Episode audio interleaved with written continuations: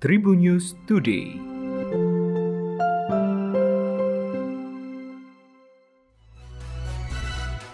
Halo Tribuners, berjumpa kembali dalam Tribun News Today.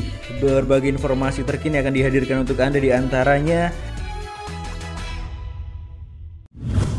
Gubernur Jawa Tengah Ganjar Pranowo mengaku tak berniat maju dalam pemilihan Presiden Pilpres 2024. Ganjar juga menanggapi soal kabar hubungannya yang panas dengan PDI Perjuangan.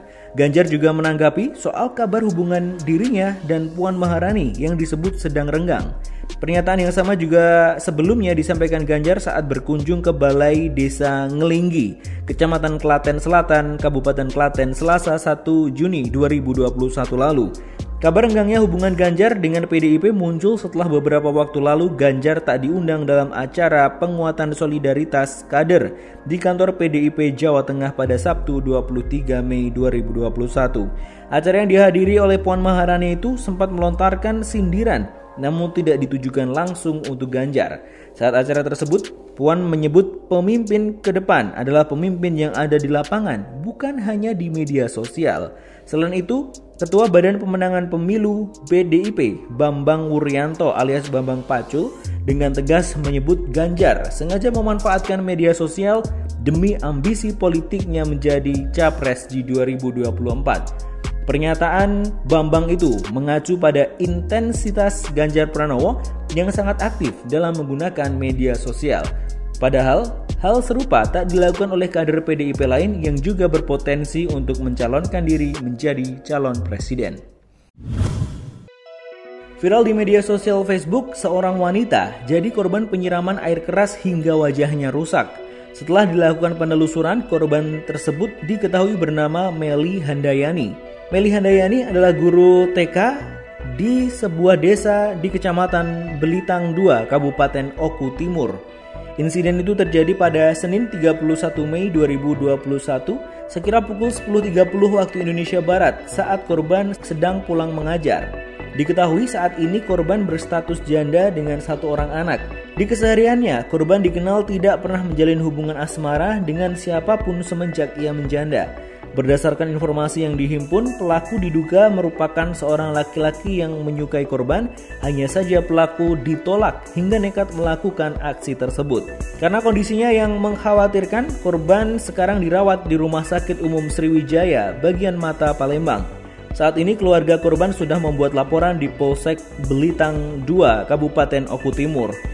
Asnari, Kabit Paut Dignas Oku Timur mengatakan apa yang dilakukan oleh pelaku sudah tidak memiliki rasa peri kemanusiaan.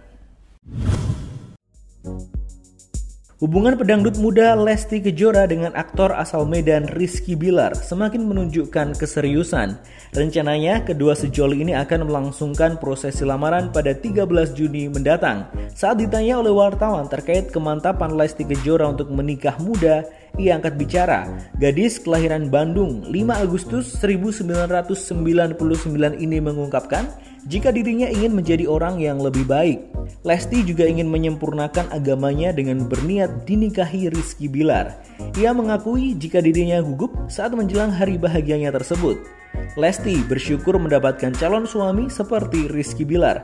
Hal ini diakui Lesti lantaran Bilar selalu mendukungnya untuk tetap berkarir di industri musik dangdut Indonesia. Rencananya Rizky Bilar akan melamar Lesti Kejora di hadapan keluarga besar pada 13 Juni mendatang. Ia menginginkan adat Sunda di prosesi lamarannya nanti. Pelatih tim sepak takraw putri DKI Jakarta ke PON 2021, Abdul Ghani terus membenahi strategi timnya jelang PON Papua Oktober mendatang. Ada dua fokus utama yang diperkuat olehnya yaitu servis dan bertahan. Keduanya dimatangkan oleh Gani agar dapat menghasilkan poin saat di kejuaraan nanti. Lanjutnya, pemainnya pun dilatih bagaimana mengolah bola, mulai dari menerima berbagai arah servis, lalu menjadikannya sebagai umpan yang matang untuk rekan melakukan spike. Gani menjelaskan, jika keduanya sukses dikuasai pemainnya, maka peluang meraih medali emas di PON Papua semakin terbuka. Sementara itu dari 12 pemain yang berlatih di pemusatan latihan saat ini, 5 di antaranya akan tersisih karena hanya akan ada 7 pemain terbaik yang dibawa ke PON Papua nanti. Demikian Tribuners sejumlah informasi terkini dalam Tribun News Today edisi kali ini. Saya Gilang Putranto pamit, sampai jumpa. Tribun News Today